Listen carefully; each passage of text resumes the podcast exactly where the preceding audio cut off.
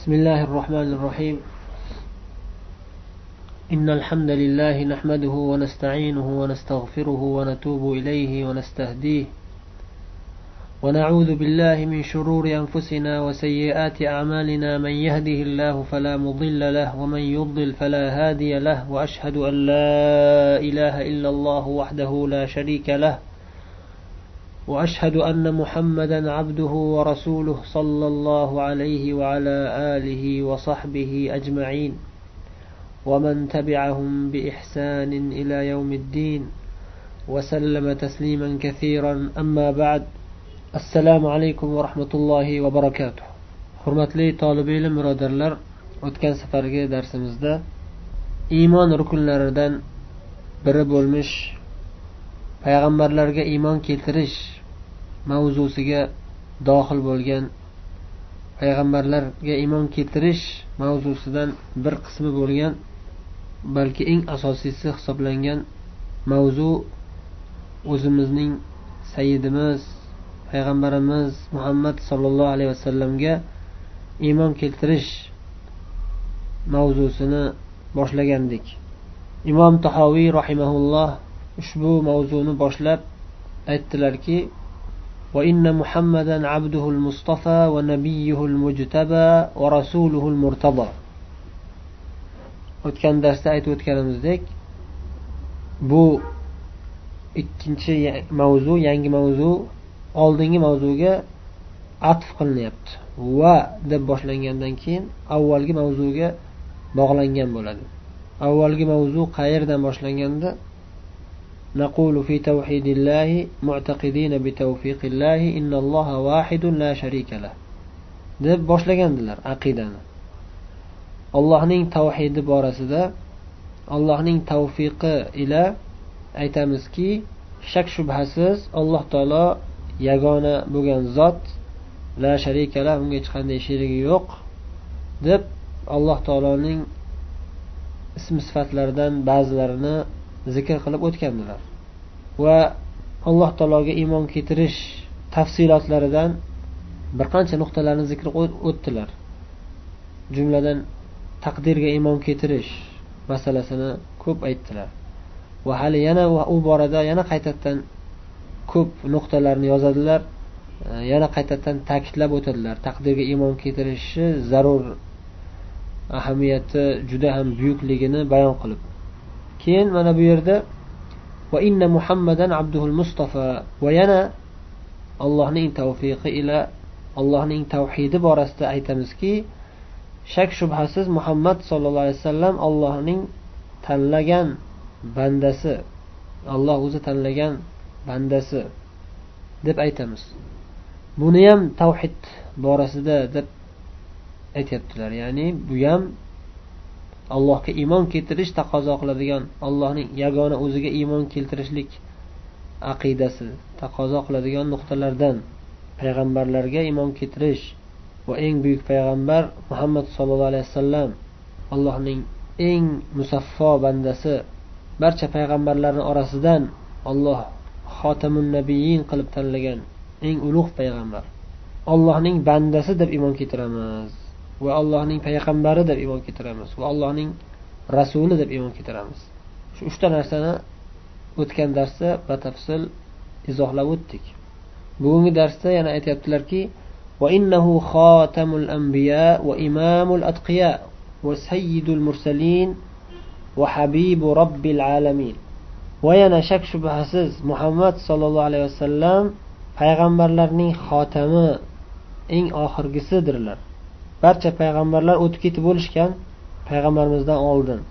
Eng oxirgi payg'ambar muhammad ibn abdulloh al hashimiyul qurashiy sollallohu alayhi vasallam u kishidan keyin hech qanday payg'ambar kelmaydi o'tgan darsimizda ham buni aytib o'tgandek sharhda alloh taolo qur'onda o'zi aytib qo'ygan xotamin nabiyin payg'ambarlarning xotami eng oxirgisi deb va hadislarda rasululloh sollallohu alayhi vasallam ta'kidlaganlar.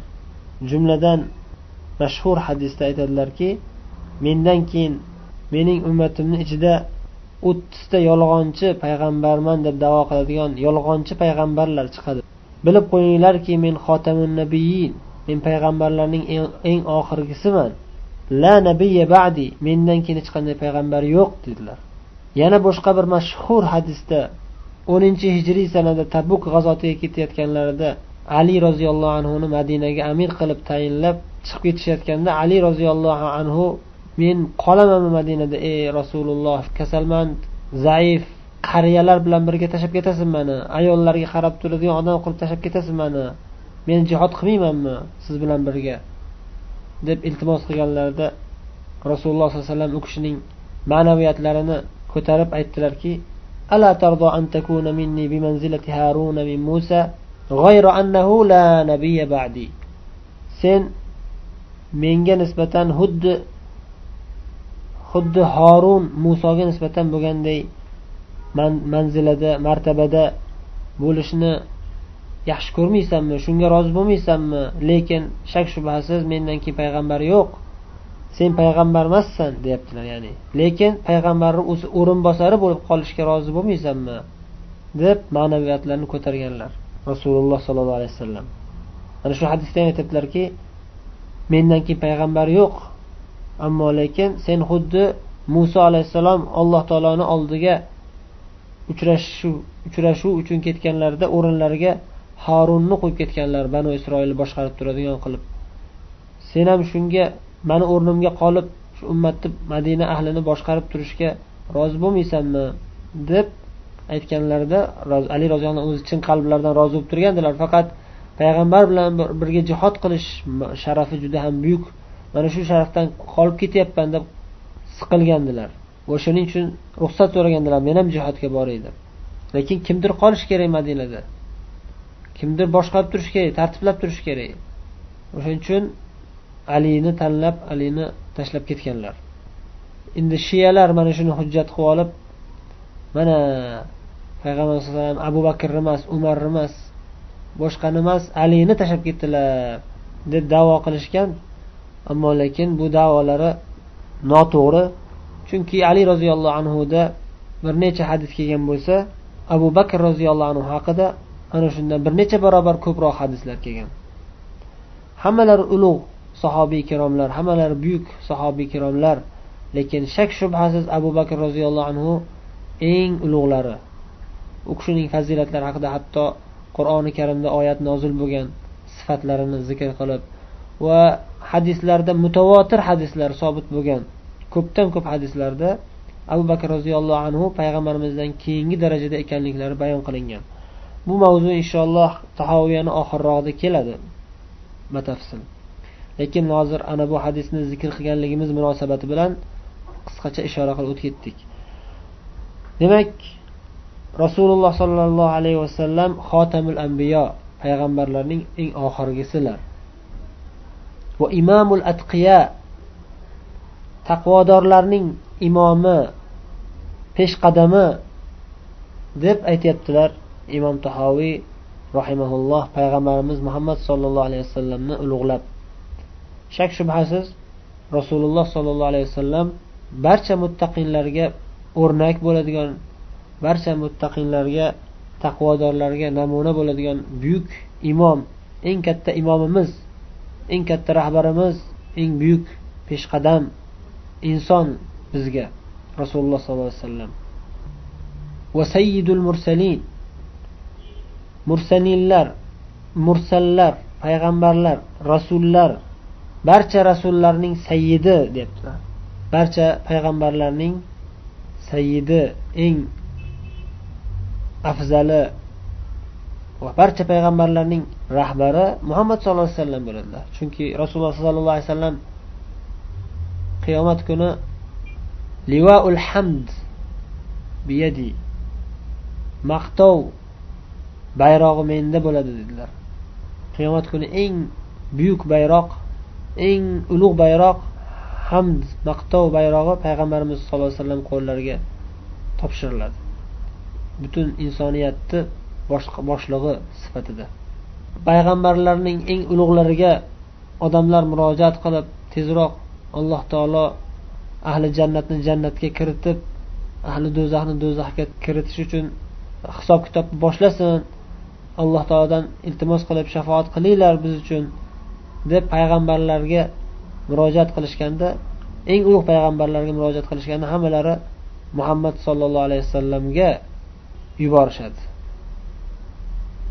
Oxir oqibat rasululloh sollallohu alayhi vasallamga kelib taqalishadi va rasululloh sollallohu alayhi vasallam ana laha men mana shu vazifani bajarish uchun kerakli odam menman deb aytadilar va alloh taoloning arsh ostiga borib sajda qiladilar. Va sajdada juda ham uzoq muddat qolib ketadilar. Qanchaligi bizga noma'lum lekin juda ham uzun muddat sajda qilgan holatlarida qolib alloh taoloni sajdada shunday maqtovlar bilan maqtaydilarki o'zlari aytdilar men bu dunyoda hali u maqtovlar bilan maqtashni bilmayman. Alloh taolo o'sha payt menga ilhom beradi o'sha payt menga o'rgatadi va ana shunda men alloh taoloni eng ulug' maqtovlar bilan maqtab alloh taologa hamdu sanolar aytib sajdada qolib ketaman dedilar. Uzoq muddat sajdada qolib ketganlaridan keyin alloh taolo ya muhammad irfa rasak vasal tu'ta vashfa tushaffa deb nido qiladi. Ey muhammad boshingizni ko'taring. So'raydiganingizni so'rang albatta sizga beriladi. Savol so'ragan narsangiz beriladi. Shafoat qilmoqchi bo'lganingizni shafoat qiling va sizni shafoatingiz qabul qilinadi deb alloh taolo o'zi ruxsat beradi.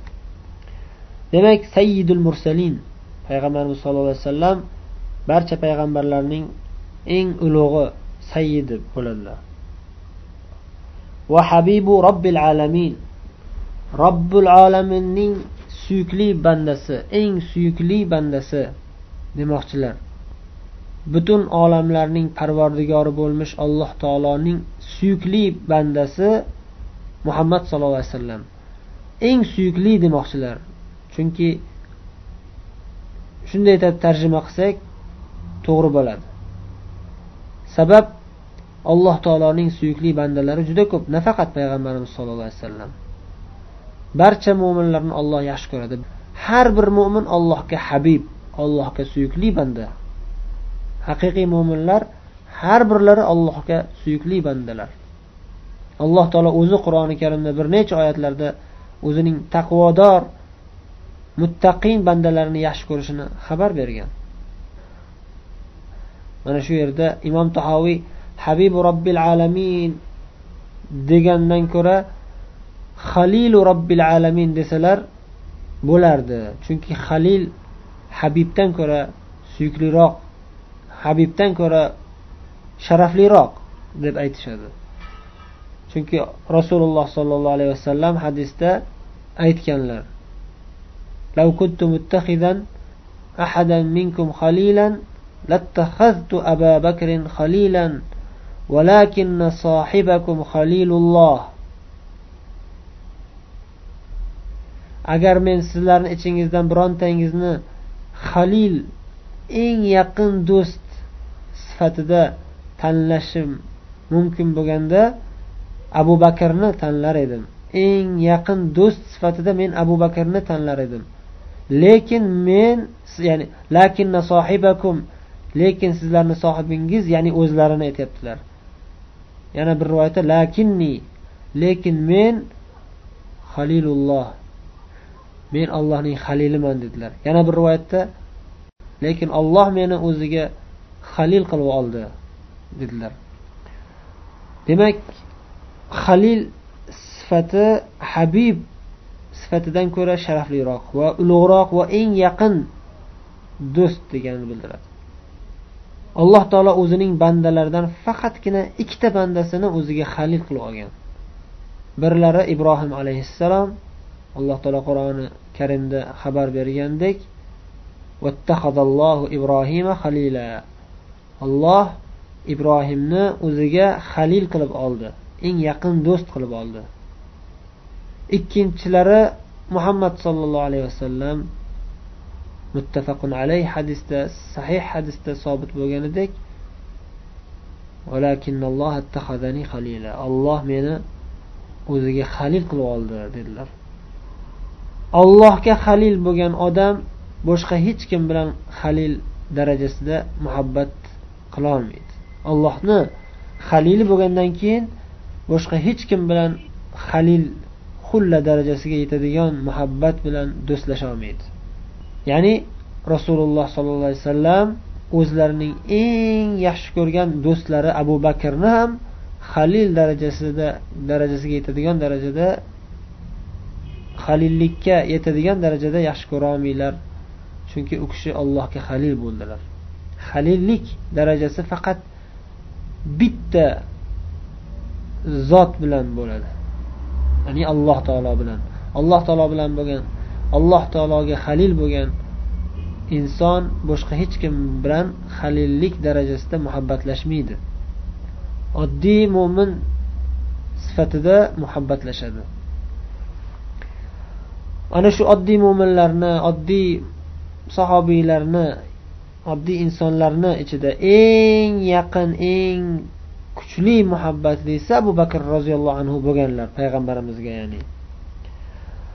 Demak bu yerda habibu robbil alamin olamlar robbisining habibi suyukli bandasi deb aytishliklari ma'nosi to'g'ri lekin lafz ibora eng mukammal ibora emas. Bundan ham ko'ra mukammalroq ibora bilan aytamiz desak halilu robbil alamin deb aytamiz.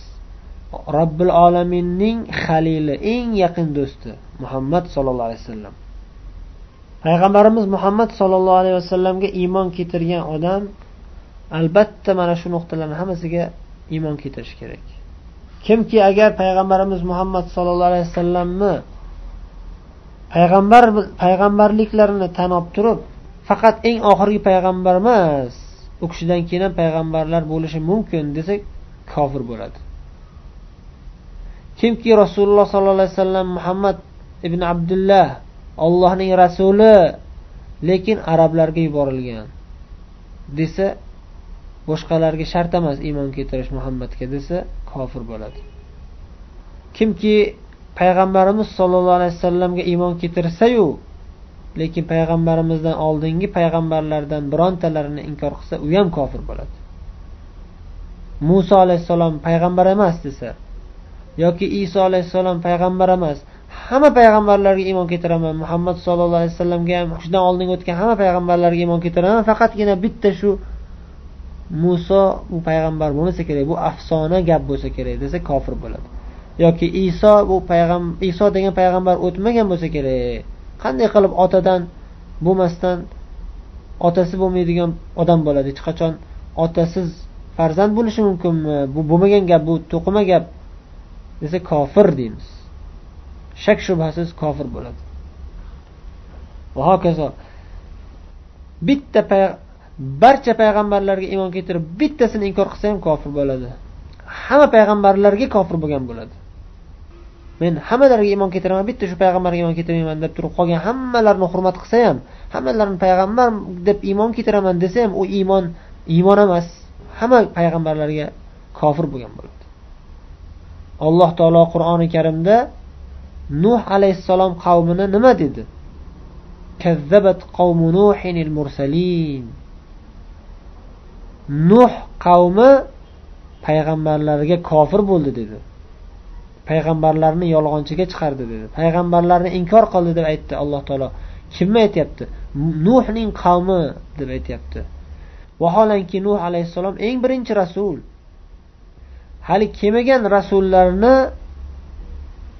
alloh taolo aytyapti. Mursalin rasullar mursalinlar payg'ambarlar rasullarga kofir bo'ldi nuh qavmi. Hali kelmagan rasulga qanday qilib kofir bo'ladi ular?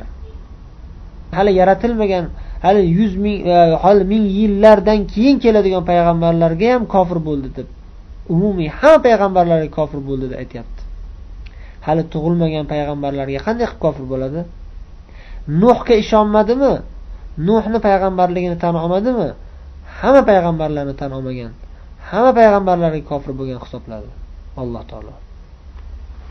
Xuddi shuningdek muhammad sollallohu alayhi vasallamga iymon keltirgan odam hamma payg'ambarlarga iymon keltirishi shart. Muhammad sallallohu alayhi vasallam olib kelgan qur'onu hadisda aytilgan xabar berilgan barcha payg'ambarlarga iymon keltirish kerak. Va xuddi shuningdek u kishidan keyin boshqa payg'ambar kelishi mumkin emas. Payg'ambar chiqmaydi aslo deb iymon keltirish kerak. Payg'ambarimizdan keyin boshqa payg'ambarlar chiqsa ular hammasi yolg'onchi kazzoblar. Biz payg'ambarmiz deb davo qilib chiqadiganlarni aytdilar o'ttizta deb lekin o'zi o'ttizta emas ular. Eng kattasi o'ttizta bo'ladi degani bu hadis. Qattiq ta'siri o'tadiganlari ko'pchilikni adashtirib ketib qoladi keyin o'zi sharmanda bo'ladi. Lekin o'sha ko'pchilikni adashtirib tanilib mashhur bo'ladiganlar o'ttizta bo'ladi deyishadi. Ammo lekin man payg'ambarman deb davo qilgan ahmoqlar juda ham ko'p. Shuning uchun keyingi nuqtada imom tahoviy aytyaptilarki va kullu da'van nubuwati ba'dahu faghayyun va hawa. Payg'ambarimiz muhammad sollallohu alayhi vasallamdan keyin chiqadigan har qanday payg'ambarlik davosi fag'ayyun va hava zalolatdir va havoyi nafsga ergashilgan davodir. Zalolat davosi g'oy zalolat davosi va havo o'zini havoyi nafsga ergashilgan holda aytilgan davo. Yolg'on degan. Shu o'rinda tarixiy voqealar sifatida qisqacha ba'zi bir payg'ambarlikni davo qilib ko'pchilikni adashtirgan kimsalarga ishora qilib o'tsak. Payg'ambarimiz davrlardan boshlab chiqa boshlagan. Payg'ambarimiz hayotlik davrlarida musaylamatul kazzob chiqqan birinchi. O'zini payg'ambarman muhammad muzar qabilasiga payg'ambar men robia qabilasiga payg'ambarman deb chiqqan. Va yana bitta ayol chiqqan u ham men ham payg'ambarman degan va uni musaylama kazzob uni o'ziga chaqirib u ayolga uylanib olgan boshqa bitta qabilani mashhur ayoli erkak payg'ambar bilan ayol payg'ambar birlashdi deb turib uni ustidan ularni ustidan masxara qilib arablar she'rlar yozishgan. Payg'ambarimiz sollallohu alayhi vasallamni oxirgi hayotlarida hayotlarining oxirrog'ida yamanda yana bir kimsa man payg'ambarman deb chiqadi. Al asvadul ansi. Va ulardan keyin yana bir qancha da'vogarlar chiqqan payg'ambarlikni davo qilib chiqqanlar bo'lgan. Bizni bizni davrimizga yaqinroq mashhur bo'lgan payg'ambarlikni davo qilgan kimsalardan qodiyoniy degani chiqqan va bahoiylar chiqqan o'zlarini o'sha kattalarini payg'ambar deb biladiganlar va yana bitta ahmoq chiqqan deyishadi. Uni ahmoqligi johilligi o'zicha men rasulman deb chiqqan u. Men payg'ambar emasman nabiy emasman men rasulman deb chiqqan. Nimaga unaqa deysan desa chunki payg'ambarimiz muhammad sallallohu alayhi vasallam nabiy nabiylarning eng oxirgisi. U kishidan keyin nabiy chiqmaydi lekin men rasullarning eng oxirgisiman. Men rasulman deb chiqqan. Vaholanki hech qaysi bir rasul rasul bo'lolmaydi. Avval nabiy bo'lmaguncha o'tgan darsimizda aytganimizdek. Avval nabiy bo'lgan barcha payg'ambarlar avval nabiy bo'lishgan keyin ba'zilari rasullik darajasiga ko'tarilishgan. Hop anas birodarimiz so'rayotgan savol yaxshi savol dajjol ham o'sha soxta payg'ambarlarga kiradimi yoki uni o'zi alohida fitnami? Ham payg'ambar ham xudoman degani uchun. Dajjol albatta o'sha kazzob payg'ambarlikni davo qiladigan kazzoblar qatorida eng ularning eng kattasi hisoblanadi. Lekin yana alohida o'zining fitnasi shak shubhasiz u odam alayhissalomdan tortib qiyomatgacha undan katta fitna bo'lmagan va bo'lmaydi ham. Eng katta eng xatarli fitna ana shu dajjolni fitnasi bo'ladi. U dajjol birinchi chiqqanida oddiy bir da'vatchi isloh qiluvchi man deb chiqadi. Keyin asta sekin rivojlanib men payg'ambarman deb payg'ambarlikni davo qiladi va borib men sizlarni xudoyingizman deb turib xudolikni davo qiladi. Alayhi minallohi ma yastahiq nasallallohu an yu'idana min fitnatihi va dajjol haqida inshaalloh tahoviyani oxirida yana batafsilroq bayon qilinadi inshaalloh keyingi nuqtada imom tahoviy aytyaptilarki ila ammatil jinni va kaffatil wara bil haqqi wal huda va bin nuri va diya va u zot ya'ni rasul sollallohu alayhi vasallam al mab'usu ila ammatil jinni va kaffatil wara. Barcha jinlarga va kaffatil varo umum haloyiqqa ya'ni hamma odamlarga mabus yuborilgan ya'ni barcha jinlaru insonlarga payg'ambar qilib yuborilgan barcha jinlaru insonlarga rasululloh muhammad sollallohu alayhi vasallam payg'ambar qilib yuborildilar.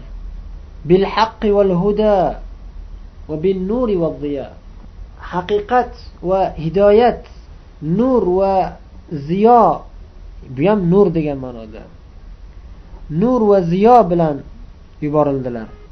Ya'ni haqiqatga boshlash uchun hidoyatga chaqirish uchun ollohning nuri berilgan holida ya'ni qur'oni karim ollohning vahiysi olloh tomonidan kelgan ilm payg'ambarimizga berilgan holda ana shu ilmni odamlarga yetkazish uchun butun dunyoga olloh yuborgan nurni tarqatish uchun keldilar. Payg'ambar bo'lib yuborildilar deb aytyaptilar. Rasululloh sollallohu alayhi vasallam nafaqat insonlarga balki jinlarga ham payg'ambar qilib yuborildilar. Jinlar ham odamlarga o'xshab allohga ibodat qilish uchun yaratilgan. Jinlarniyu insonlarni men faqatgina menga ibodat qilishlari uchun yubordim e, yaratdim. Menga ibodat qilishlari uchungina yaratdim dedi alloh taolo. Shuning uchun jinlarga ham da'vat taalluqli. Jinlar ham allohning payg'ambarlariga iymon keltirishi shart. Itoat qilishi payg'ambarlarga itoat qilishlari shart jinlar ham. Ularning ichlarida mo'minlar ham bor. Payg'ambarlarga iymon keltirgan ulug' ulug' jinlar bor. Bu haqida alloh taolo o'zi qur'oni karimda xabar bergan. Lekin jinlarni ichidan payg'ambar chiqmaganmi? Yo'q. Jinlarni ichidan payg'ambar chiqmagan. Payg'ambarlar insonlardan chiqqan faqat. Bu jumhur ahli sunna va jamoa ulamolarining ra'ylari. Jinlardan payg'ambar bo'lmagan deyishadi. Ammo lekin buyuk ulamolari bo'ladi. Jinlarni ichida ulamolari bo'ladi. Va da'vatchilari bo'ladi. Zulmu tug'yonu fisqu fujurdan qaytarib nahiy munkar qilib turadigan da'vatchilari bo'ladi. jinlarni ichidan payg'ambar chiqmaganligiga dalil alloh taolo qur'oni karimda aytganki وما أرسلنا من قبلك إلا رجالا نوحي إليهم من أهل القرى biz sizdan oldin ey muhammad sallallohu alayhi vasallam sizdan oldin faqatgina erkaklarni payg'ambar qilib yubordik rijalan erkaklarni payg'ambar qilib yubordik nuhiy ilayhim ularga vahiy qilardik Min ahlil quro qishloq ahli qishloqlar ahlidan ya'ni shaharlar ahlidan bitta qishloq degani qishloq ya'ni shahar emas degani emas ya'ni odamlar yashaydigan joylarni aytiladi. Hamma shaharlar kirib ketadi. Ahlil quro qishloqlar odamlar yashaydigan joylardan erkaklarni ma'lum erkaklarni tanlab biz ana shularni payg'ambar qilib yubordik. Va ularga vahiy qildik deydi. Bu oyati karimadan ikkita foyda olyapmiz. Ya'ni shu masalaga taalluqli foydalardan ikkitasi bor. Birinchisi payg'ambarlar insonlardan bo'lgan. Ikkinchisi payg'ambarlar faqat erkaklardan bo'lgan ayollardan payg'ambarlar yo'q. Lekin ba'zi bir ulamolar jinlardan payg'ambar bo'lgan deyishgan va unga dalil sifatida quyidagi oyat karimani zikr qilishadi يا معشر الجن والإنس ألم يأتكم رسل منكم يقصون عليكم آياتي وينذرونكم لقاء يومكم هذا ey jinlaru insonlar sizlarga o'zlaringizdan bo'lgan rusul elchilar payg'ambarlar rasullar kelishmadimi sizlarga mening oyatlarimni qissa qilib aytib berib sizlarni mana bu qiyomat kuningizdan ogohlantirib da'vat qilib yurgan payg'ambarlar kelishmadimi sizlarga? Kelishdi demoqchi alloh taolo. Ya'ni biz sizlarga payg'ambar yubordik.